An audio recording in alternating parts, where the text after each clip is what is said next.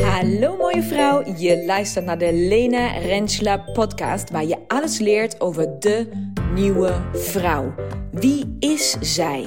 Zij is de vrouw die haar vrouwelijkheid omarmt, haar cyclus begrijpt, haar intuïtie volgt, haar grenzen kent. De vrouw die liefdevol egoïsme praktiseert en leeft vanuit overvloed. De vrouw die verantwoordelijkheid neemt en groeit in haar eigen creatiekracht en magie. Hier leer je haar kennen. De nieuwe vrouw in jou. So stay tuned and let's go. Hallo mooie vrouw, nieuwe week, nieuwe aflevering en wat super tof dat jij weer luistert. Dat waardeer ik zeer. Ik zit in de auto en ik, um, het is vrijdagavond en ik ben onderweg vanuit um, Amsterdam terug naar Breda. Waar ik uh, in Amsterdam heb ik net een hele toffe fotoshoot gehad. Dus ik uh, was van een magazine en uh, een heel groot Nederlands damesblad. Daar heb ik een interview mogen geven een paar weken terug. En nu was de fotoshoot vandaag. En als je mij op Insta hebt gevolgd vandaag of gisteren, dan weet je dat ik eigenlijk um, ik had me heel erg hierop verheugd, omdat ik het heel, oh, ik vind het gewoon heel leuk om te doen. Uh, ik heb het ook gepland in fase 2, waar ik op dit moment in zit. Dus uh, alle, you know, pijlen stonden op groen. Um, maar er is twee, drie dagen terug iets gebeurd. Er heeft een gesprek plaatsgevonden. Um, wat mijzelf best in een ja, diep, denk ik, diep, belangrijk uh, proces heeft gesleurd. uh, want ik had namelijk geen keus. Ik moest erin. Uh, weer duidelijk. Um, en het ging samen met best heel veel emoties en met inzichten en nou ja, al dat. En dat wil ik eigenlijk vandaag even, uh, even, wil ik even met je delen. Ik, um, en dan gaat het niet zozeer om de fotoshoot. Want de fotoshoot, daar had ik eigenlijk gewoon in zoverre geen zin in. Omdat ik gewoon best verdrietig was en weinig energie in mijn lichaam voelde. En me gewoon uh, niet, uh, nou gewoon echt even met veel belangrijkere dingen bezig was dan een stomme fotoshoot. Maar de, op zich was dit wel iets wat ik heel erg leuk vond om te doen. Dus de knop, ik heb gewoon besloten om de knop om te zetten, om te gaan. En uh, nou, vervolgens was het ook gewoon super fijn. En ik was totaal afgeleid en ik was er even niet mee bezig. En um, het was heel erg prettig. Um, maar eigenlijk wil ik je meenemen in wat er de afgelopen dagen gebeurd is. En um, niet zozeer inhoudelijk, want je kent mij wat dat aangaat. Dat gaat je gewoon niks aan. Net als wat in de woestijn gebeurt, of wat met Project Powervrouw gebeurt, of dat soort dingen. Um, wie het is en om wie het gaat en wat er precies gezegd of gedaan is. Uh, dat doet er niet toe. Ik wil heel graag um, delen um, het proces en hoe, hoe ik me beseft heb de afgelopen dagen. Dat was die exact deze situatie nou ja, drie, vier jaar geleden ontstaan. Hoe anders ik daarmee was omgegaan. En dus ook het besef hoe waanzinnig ik ben uh, gegroeid. En hoe, hoe, wat mijn pad van zelfontwikkeling wel niet allemaal oplevert.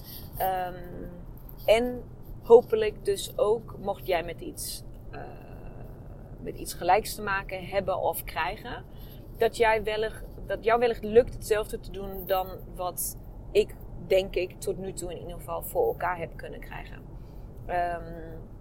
Want om de situatie heel kort te schetsen in een metafoor, zodat je je een beetje in kan leven welke emoties daarbij gepaard gaan, dan zou ik zeggen dat er op dit moment, en dan bedoel ik de afgelopen week, uh, specifiek twee mensen die mij um, heel dierbaar zijn, die ik heel lief heb, die ik waardeer, um, die ook al langer in mijn leven zijn,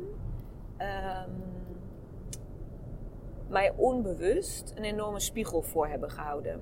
En uh, de manier waarop dat in als ik dat in een metafoor zou moeten omschrijven, de manier waarop dat is gegaan, is dat ze mij eigenlijk allebei uh, verkering hebben gevraagd. Of sterker nog, dat ze mij eigenlijk allebei hebben een aanzoek hebben gedaan. Dat ze hebben mij gevraagd om samen te gaan trouwen.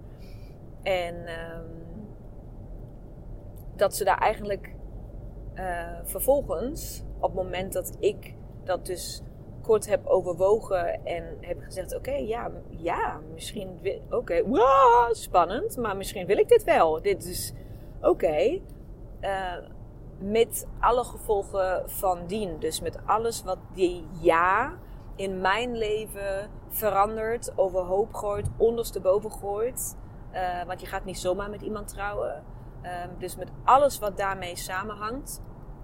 Um, daar ja, ja op zeg. En dat ze uh, allebei uh, het hebben heroverwogen. En hebben gekozen om uh, um, een andere oplossing te vinden dan in plaats van trouwen. En ehm, dat even in metafoor. Maar misschien kan je je daarbij voorstellen hoe dat voelt. Hm. En wat dat doet. En ehm, welke emoties daar allemaal langskomen. En um, van soort van ontwaardigd zijn, over pijn en gekwetst voelen, over heel verdrietig zijn, over ook ergens um, boos zijn over de situatie. En het was heel makkelijk geweest. En dat is eigenlijk een stuk wat ik met je wil delen vandaag. Het was heel makkelijk geweest om in één van deze range of emotions die ik heb gevoeld de afgelopen dagen, om daarin te verdwijnen. En dat is iets wat mij in mijn leven al heel vaak is gebeurd. Um, dat de emotie het overneemt, omdat ik, ik ben een enorm gepassioneerd mens. Dus wat, wat heel tof is, want met passie krijg je heel veel bereikt en kan je heel veel. Nee, er zijn heel veel positieve dingen. Um, maar dat betekent dus ook dat je enorm veel voelt. En dat de emoties dan ook overweldigend kunnen zijn. Omdat ze dus passievol geleefd worden. Um, dus de, het, het had heel goed... Het had heel, heel erg goed mogelijk kunnen zijn dat ik me in een van deze emoties verlies. Met als gevolg dat ik een van deze twee mensen um, waarschijnlijk uh, uit, uit pure acute emotie um, uit mijn leven had verbannen. En daarmee bedoel ik waarschijnlijk dingen had gezegd of gedaan die niet meer herstelbaar zijn. Of uit zoveel soort van verwrokte emotie gereageerd dat ik zelf had gezegd van nou weet je wat, ik hoef je niet meer in mijn leven als het op die manier moet. Laat me gaan, je hebt me gekwetst, doei. Um, in plaats daarvan en dat is, dat is een soort van het moment wat ik mee wil geven. Of waarvan ik besef van wauw, dit is echt een keer volledig anders gegaan dan het in het verleden met zekerheid was verlopen. En dat is dat ik. Um, ik heb de emotie gezien. Ik heb de emotie ook gevoeld. Ik heb ook gehuild. Um, ik, heb me, ik heb slecht geslapen. Ik ben um, de dag na, uh, na het ene gesprek. Uh, wat dan plaats heeft gevonden. Uh, wakker geworden met enorme druk op mijn kiezen. Omdat ik zo mijn kaken, denk ik, s'nachts op elkaar heb geklemd. En ik had een soort van. Ik zei, ik voel me alsof ik in een vechtpartij was. En niet dat ik weet hoe het. Niet dat ik weet hoe je je voelt na een vechtpartij. Maar het voelde alsof mijn hele lichaam zich op een heel onnatuurlijke manier heeft uh, ingespannen. En nu weer ontspant. En dat ik op een hele gekke manier een soort van spierpijn kreeg. Um,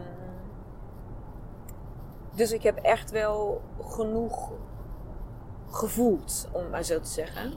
Maar ik heb er bewust voor gekozen om die emoties niet de vrije loop te laten. Om ze wel te voelen, om ze wel te ervaren, om je te beseffen dat, dat het dus heus iets doet, wat er nu net gebeurt. Um, maar daarop niet te acteren. Dus ik heb me eigenlijk teruggetrokken en het eerste waar ik over na ben gaan denken is: oké, wat is nou eigenlijk. Hoe bizar dat dit in dezelfde week met precies dezelfde mensen, of met, met dat precies hetzelfde scenario zich soort van herhaalt. met twee mensen. Dat kan niet zomaar gebeuren. Dus dit moet een teken zijn. Zo ben ik gaan kijken. Dit moet een teken zijn. Uh, wat wil mij dit leren? Wat is de boodschap? Waarom doen deze mensen mij pijn? Waarom, waarom doet mij dat pijn? Want in feite, wat er gebeurt is, zeg maar in het kort, uh, is ik ben ten huwelijk gevraagd. En toen heb ik aangegeven, ja, maar ik heb wel nog ergens behoefte aan. Ik wil graag praten of elkaar zien. Of ik wil graag zus, ik wil graag zo. Uh, en dat verzoek werd van allebei de partijen, totaal onafhankelijk, totaal verschillende mensen, totaal verschillende situaties. De ene is ook meer privé, de andere is meer zakelijk. Dus echt totaal niet met elkaar te maken hebben.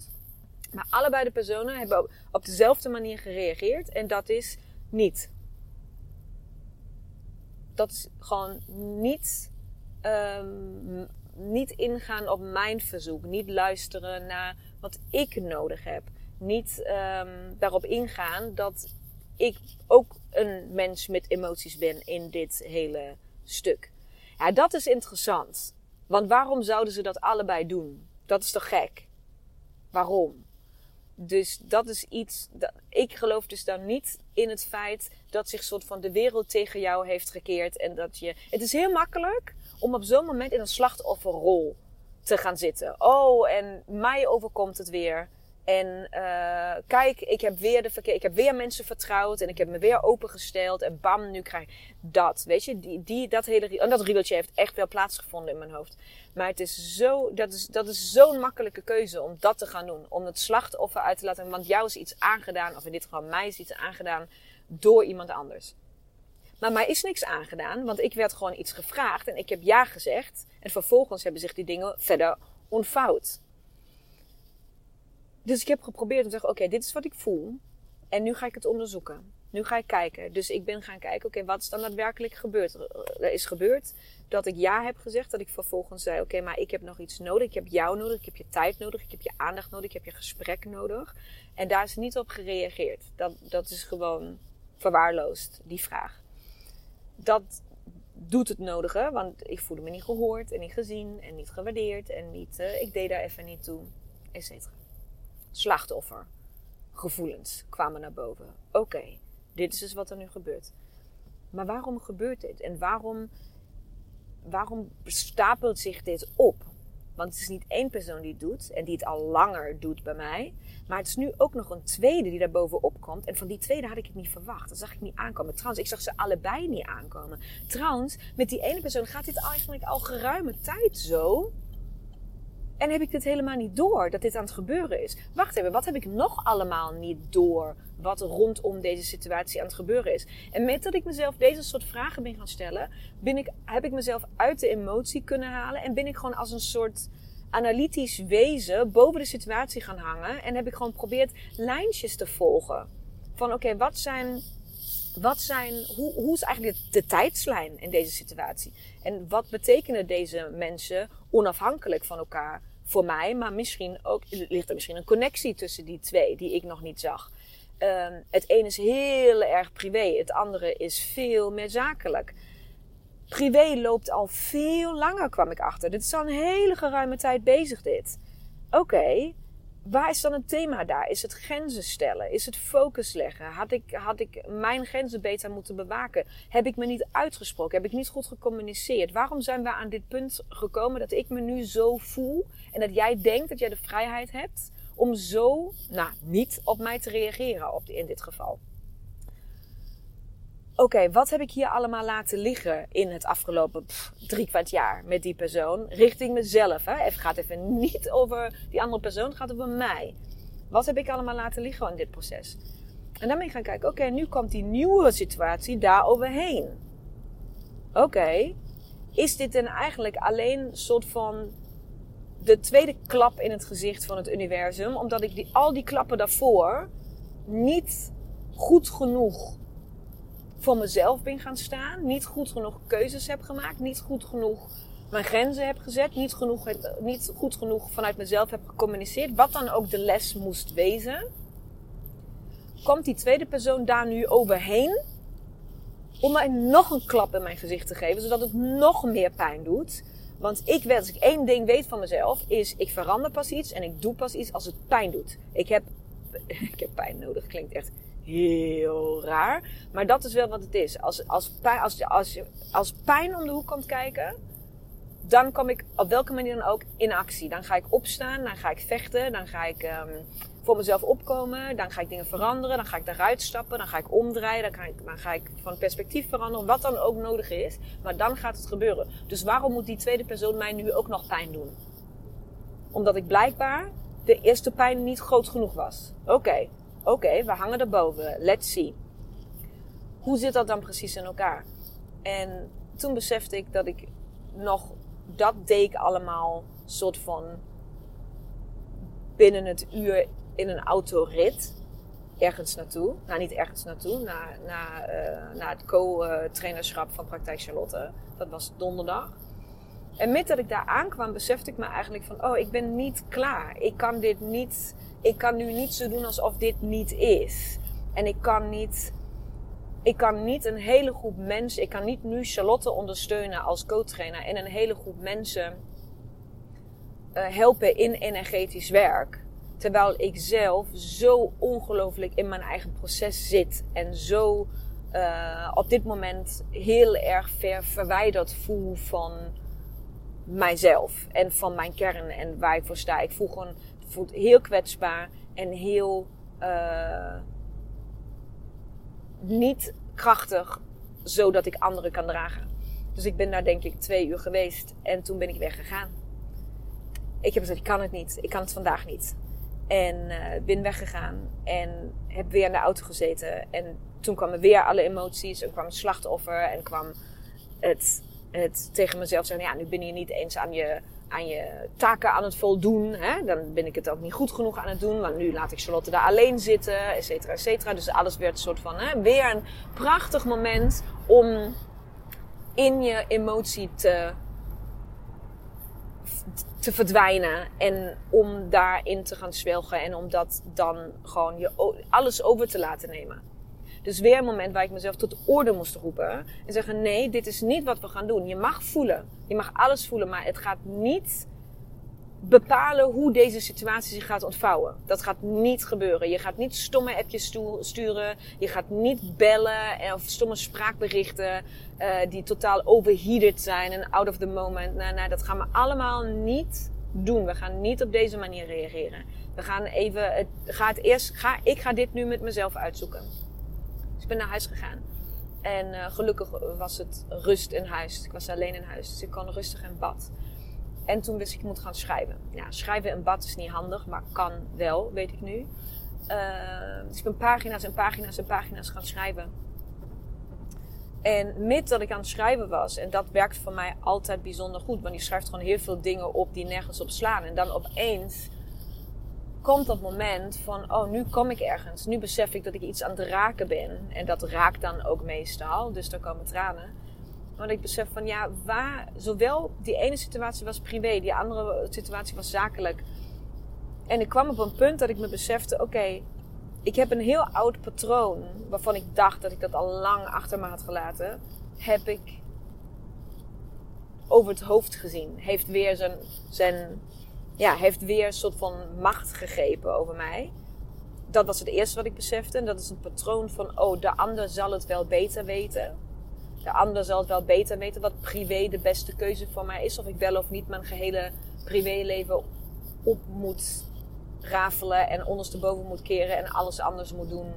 Uh, nou, als jij daar zo zeker van bent, misschien heb je dan wel gelijk. En heb ik en heb ik niet alle goede keuzes gemaakt. En ja, moet ik daar misschien herstellen en herschikken en veranderen. En zakelijk uh, eigenlijk uit dezelfde hoek. Oh, oké, ja, ja oké. Jij hebt dus ook een business en dat loopt, uh, uh, weet ik weer wat. Jij uh, verdient meer geld dan ik. Of jij hebt meer, wat dan ook, meer dan ik of beter dan ik. Dus ja, dan zou ik jou maar wel moeten geloven dat, dat, dat jij de weg kent en dat jij weet hoe het allemaal moet dat soort van, dat, dat, ik zeg niet dat dat de situatie zijn hoe ze exact waren, maar dat patroon, dat iemand anders het van mij over mag nemen. En dat ik me daardoor laat leiden. Uh, dat is vroeger een heel duidelijk patroon geweest. Toen nog een loondienst zat, was elke baas stond wel per definitie boven mij. En die wist het allemaal wel beter. Uh, vriendjes ook stonden altijd boven mij. Uh, vriendinnen zelfs waren heel erg leidend. Ehm, en ik wilde daar altijd aan voldoen en het goed doen. Dus ik ken het patroon. Ik wist alleen niet dat ik door al dat werk wat ik de afgelopen jaren heb verricht en het bedrijf wat ik op heb gezet en op de manier waarop ik dat op heb gezet en waar het voor staat, had ik niet verwacht dat dat patroon daar überhaupt nog zou zijn. Maar het is er wel. Dat, daar kwam ik achter. Niet meer in de manier hoe dat toen was, maar het is er wel nog. Het afstappen van. Eh, niet het afstappen, het mezelf in twijfel trekken als iemand anders maar um, een, een mening heeft die, die sterk genoeg is, zeg maar. Dan, dat ik dan aan mezelf begin te twijfelen, aan mijn eigen emotie, aan mijn eigen weg. Um, en toen kwam ik aan het volgende punt en dat was dat ik besefte dat de spiegel diende om mij te laten zien dat ik op dit moment met deze twee, uh, niet met die personen, maar met die situaties die zich, die zich opdeden, dat het wel leek alsof ik zo van de ultieme vorm van FOMO, fear of missing out, bang zijn dat je iets mist, dat iets, dat, dat, dat, dat, dat, gas, dat het gas groener is bij de buren.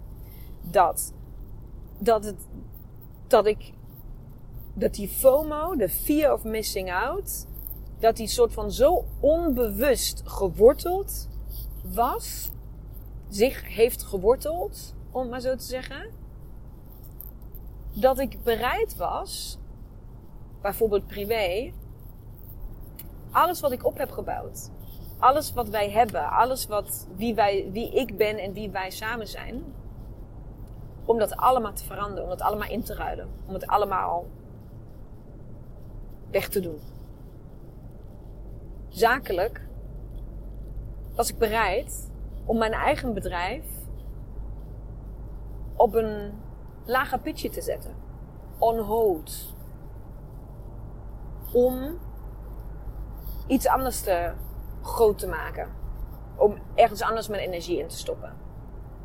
Dus er kwam een enorm besefmoment van wauw, hoe kan het zijn dat ik waarop baseer ik dat alles dat wat ik tot nu toe in mijn leven op heb gebouwd, waar ik voor heb geknokt, waar ik voor heb gestreden, waar ik voor heb gecreëerd, waar ik voor heb gedanst, waar ik voor heb gehuild, waar ik voor alles, waar ik alles voor heb gedaan. Waarom? Hoe, hoe kan het zijn dat ik zowel privé als zakelijk zo snel bereid ben om dat aan de kant te zetten. Wow, wat een besef komt hier nu net binnen. Wat is hier gebeurd de afgelopen maanden en de afgelopen weken? En wat zegt dat over mij? En wat zegt dat over hoe ik in het leven sta? Op dit moment in deze situatie. Wat voor een enorme spiegel is dat? En toen ben ik mezelf af gaan vragen: oké, maar is er dan fear of missing out? Denk ik dat ik niet de goede keuzes heb gemaakt? Denk ik, denk ik dat, dat er privé iets anders moet? Denk ik dat ik ergens anders hoor of dat ik hè, dat allemaal. En dan besef ik: nee. Nee, dat is het helemaal niet. Ik ben gelukkig. En ik heb een hele fijne relatie. En ik heb fantastische CEO's thuis rondlopen. En ik woon in een heerlijk huis. En ik ben precies daar waar ik wil zijn. Met precies de mensen waar ik wil zijn. Dus hoe in Gods naam hou ik het in mijn haal ik het in mijn hoofd om dat voor wat dan ook in te willen ruilen? Waarom is dit überhaupt een kwestie? Waarom wordt dit overwogen? En hoe, hoe wordt dat gecreëerd in mij? Wat gebeurt er? Zakelijk, dezelfde vraagstelling. Waarom is dit oké? En nu, voor mij is het zakelijk nog veel genuanceerder, omdat daar heel veel gradaties in zitten en daar nog heel veel mogelijkheden zijn. En weet je waarom ik die mogelijkheden kan zien? En weet je waarom ik daar met een glimlach over kan praten? En weet je waarom dit nu um, anders voelt? Omdat ik niet in de emotie ben gaan zitten. Omdat ik niet mijn verdriet en mijn boosheid en mijn, um, mijn verontwaardigdheid de bovenhand heb laten nemen. Ik heb geanalyseerd en ik heb gekeken wat gebeurt hier nu. En niet wat wordt mij aangedaan, maar wat zijn de lijntjes. En waar het mij toe heeft gebracht dat ik in een namiddag in bad, huilend, heb besloten: ik kies mijn leven. Ik kies dit. Ik kies mijn man. Ik kies mijn kinderen. Ik kies mijn bedrijf. En ik kies alles wat we met dat geheel kunnen gaan bereiken. En voor dit leven, wat ik ga leven, is dat alles wat ik wil. Met alle avonturen die daarbij horen. Alles wat we mogelijk kunnen maken. Alles wat we nog tegen gaan komen. Alles wat, wat ik nu nog niet eens kan verzinnen. Maar ook alle diepe dalen die we nog door zullen moeten. En alles wat ons nog, alles wat aan tegenslag gaat komen. Ik heb eergisteren in bad, of gisteren, ik weet niet eens meer wat het was. Ik heb voor mezelf gisteren een mega heer, herschrikking van perspectief hoe ik naar het geheel kijk. Dus elke keuze die ik vanaf nu alleen nog maar hoef te maken, alles wat zich aandient, alles wat zich in de toekomst aandient, is alleen nog maar de vraag: dient het ons? Dient het mij en mijn gezin? Dient het, worden wij hier beter van? Want ik heb dit leven gekozen. En dat heb ik misschien nog nooit eerder bewust gedaan. Een van de gedachtegangen die ik had van, oh, ben ik eigenlijk hier een soort van ingestrompeld of zo, zeg maar. Dat je ooit een keer bij elkaar komt en een soort van weet je, dat je denkt van, oh ja, en opeens hadden kinderen en opeens uh, waren we al tien jaar bij elkaar en opeens uh, had ik een bedrijf en opeens was het allemaal, uh, zo van, is het zo gegaan? Is dit echt zo gegaan? En toen besef ik, nee, het is helemaal niet zo gegaan. Er zijn echt wel genoeg momenten geweest waar ik heel bewust heb gekozen, dit is wat ik wil. Dus, ik heb een moment gehad waar ik opnieuw voor het geheel heb gekozen. En dat is zo kostbaar en zo mooi. En het geeft zo'n ongelofelijke kracht en duidelijkheid en helderheid om dat te doen. En om daar voor te staan en om dat te voelen en te beleven. En um, grappig genoeg kan ik me nu dankbaar voelen voor de situaties die zich op hebben gedaan. Omdat ze mij deze spiegel hebben gegeven. Omdat ik dit daaruit heb kunnen halen voor mezelf. Zegt dat, dat de twee mensen mij. Zegt dat dat ze mij geen verdriet hebben gedaan? Nee. Zegt dat dat de manier waarop ze met mij om zijn gegaan, of de reacties, hè, die momentopname van de reacties en hoe zich dat uh, in onze vriendschap, in onze relatie uh, verhoudt, uh, dat dat oké is? Nee. Dat is niet oké. En dat moet je ook niet goed praten. En dat wil ik ook niet goed praten. Ik kies alleen ervoor dat dat niet de hoofdrol gaat spelen. Omdat er zoveel belangrijkere dingen zijn die daar nu toe doen. Want had ik me verloren in, in dat stuk, dan was ik hier nooit achter gekomen. Dan had ik nooit gisteren in bad opnieuw voor mijn leven gekozen. Waar ik heel bewust mee om wil gaan. Nu nog een keer vanaf nu dan had ik dit moment gemist. Dus.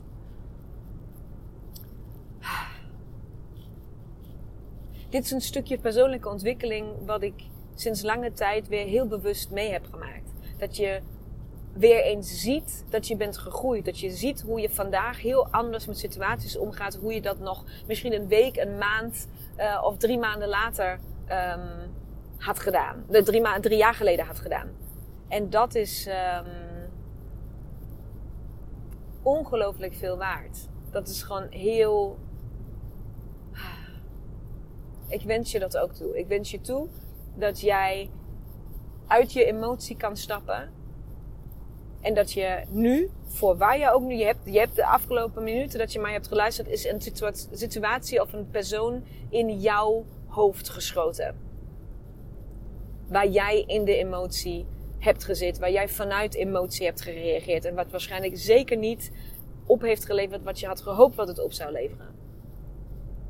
En ik um, hoop en ik wens voor jou dat je dat nu ziet en dat ik jou misschien een voorbeeld heb kunnen geven hoe je dit anders aan kan pakken. En hoe daardoor een privérelatie niet kapot hoeft te gaan. En waar daardoor een zakelijke uh, situatie uh, nog steeds heel vruchtbaar kan zijn. Waar contacten niet verbroken hoeven worden en waar je alsnog naar mogelijkheden en naar positieve dingen samen kan kijken. Ondanks het feit dat iemand je tot huilen heeft gebracht. Omdat het pijn deed. Dus dat. Dus dat voor vandaag, mooie vrouw. Ik sluit hem af. En um, laat me weten of het uh, iets voor jou heeft betekend en of het, um, of het ergens bij helpt. Ik ben benieuwd. Doei!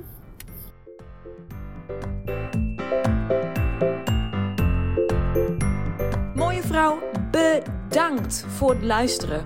Hopelijk mocht ik je inspireren, aan het denken zetten of motiveren. Wil jij nu één ding voor mij doen? Wil jij deze podcast delen met minimaal één vrouw in jouw netwerk? Of delen op jouw social media? Maak een screenshot en stuur het door. Tag mij, hoe dan ook. Laten we samen zoveel mogelijk vrouwen bereiken en deze wijsheid met elkaar delen. Dankjewel. Duizend keer.